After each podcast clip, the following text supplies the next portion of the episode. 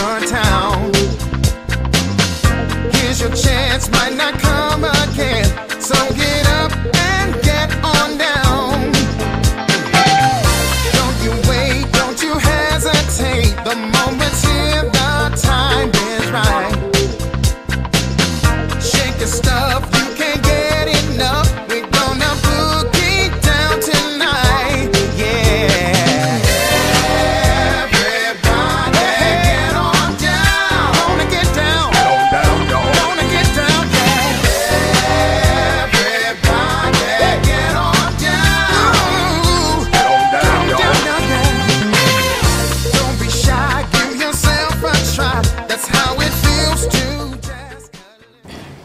Muhabbetler'de sevgili Marianne Williamson'ı ağırlıyoruz. Welcome Marianne. Thank you. It's a great honor to be with you. Uh, there are so many readers and followers uh, of you in Turkey, Thank especially uh, return with your book Return to Love Thank you. uh, and the other books and uh, also they have uh, sent you your loves, uh, gratitudes and thanks for all your goodness that you bring our lives. Thank you very, very much. I'm honored. I was in Istanbul when I was a child, You were a but I haven't been in many years. So I, I think of your country, and I think a lot of people in the world think of your country with kindness and also with prayers right now. right now. And um, when we talk about love, these are the times uh, it's not easy to return to love, especially in the Middle East region. And uh, we get, we live so much suffering at the last days, uh, uh, last month or two months before. And while we get, we are so much suffering, uh, we cannot easily return to love and return to ourselves. Of course. And many people are so confused and they, they tell, told me, asked me about what can I do now? We already read many spiritual um knowledge, we know that, but when a bomb uh, collapsed and 100 people died. We got so much suffering. What do you suggest us? Yes. Well, as you know, here in our country, uh, we had the 9/11 disaster, the bomb, the extraordinary violence, and I think that there are clearly two ways that you can go. You can go into greater love, or you can go into greater fear.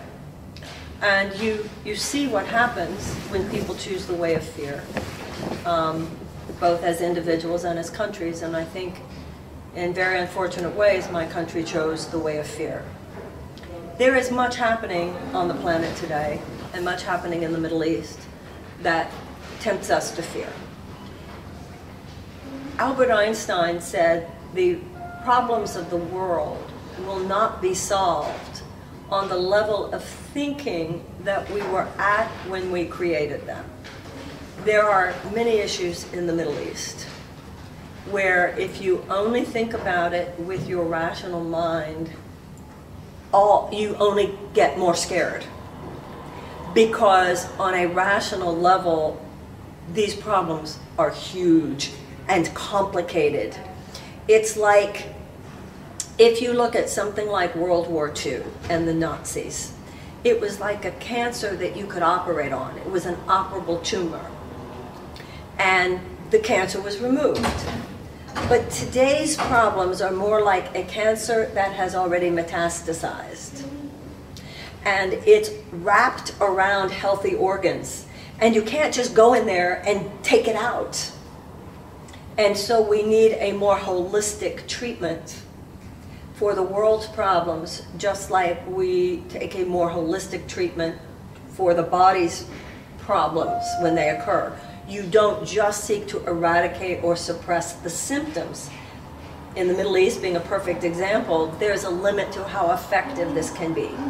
So, for those of us who believe in the power of prayer, for those of us who believe in the power of meditation, When Einstein said the problems of the world will be solved from another level of thinking, what we want to do daily is spend at least three to five minutes with your eyes closed and allow your mind to pierce the veil. What do I mean by that?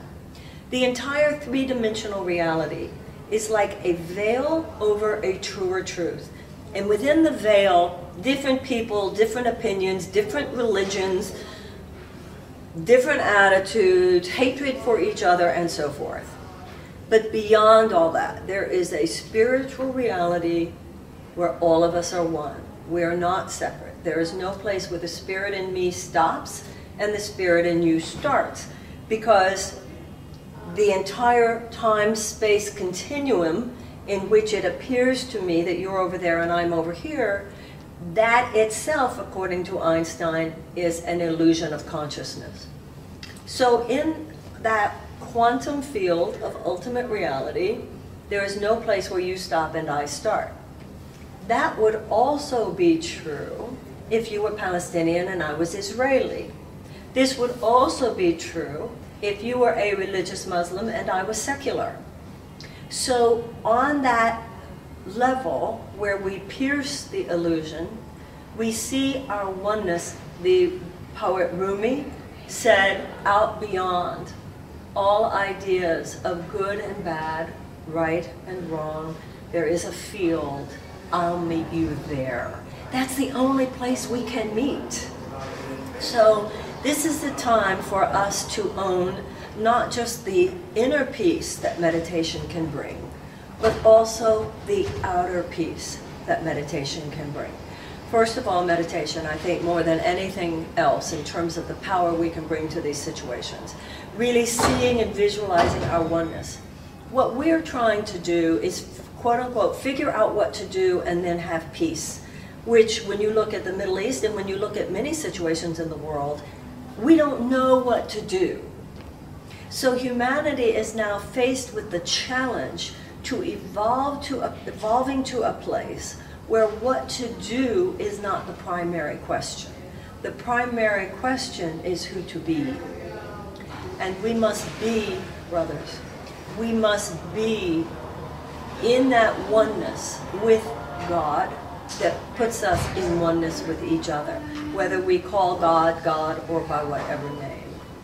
So I think those of us who take forgiveness seriously and take meditation seriously and take prayer for peace seriously, most people within the political spheres would say, oh, you're just over on the side somewhere. You're not dealing with reality. But from our perspective, we are the ones dealing most powerfully with reality because in that quantum field, miracles happen.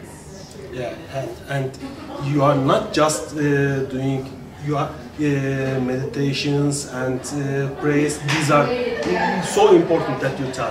But uh, I know that you are a political activist also. Uh, and about spirituality and polit- politics, they are not combined with each other. I cannot find easily uh, any sources about that. Uh, how can you manage? How can you manage this? Well, actually, there are sources, beginning with Mahatma Gandhi, who did articulate what he called the uh, philosophy of nonviolence, which was, of course, the force which actually uh, got rid of the British uh, colonial empire from India. Then Martin Luther King, Dr. Martin Luther King Jr., traveled to India, studied the principles of nonviolence, and brought them back to the United States to apply them uh, in the struggle for civil rights during the 1960s. So between Mahatma Gandhi and, and Martin Luther King, we actually do have very advanced, sophisticated material. Now, I think we are born assigned. You are assigned to manhood, I'm assigned to womanhood. You are assigned to Turkey, I'm assigned to the United States. Um, our souls incarnate in a way that the universe is then saying, You are steward of this piece. This is your garden to till. And you and I are living at what has turned out to be a complicated time in history, more than we would have thought even 20 years ago. Turkey and the United States, I'm not saying we didn't have problems, but neither country thought 20 or 30 years ago there was not the kind of challenge that we're facing now. So, what we, from a spiritual perspective, want to remember is that you and I are not assigned to our countries to be at the effect of the craziness. You and I were assigned there to be so aligned with the truth of love that love will instruct us how we might be transformational elements in our countries. Um, I really want you to know, and all people on your program to know, uh, I as an American, but I hope you know how many people truly wish you well. Uh, Turkey is extremely important. We get that, people know that. And many of us are witnessing the internal dynamics in Turkey. So there's a lot of prayer for you and for your country that is coming from people who are not themselves Turkish. Thank you, thank you. I know you uh, you don't have so much time, but I want to thank you so much that you uh, you um, uh, you accept my interview, with Marianne. Thank you for everything. Absolutely. Thank you for everything, and uh, I want to kiss you for Thank all you. your readers and watchers. Thank you for everything. Thank you, thank you. And if you invite me to Istanbul, I will be, or is it Istanbul where you live?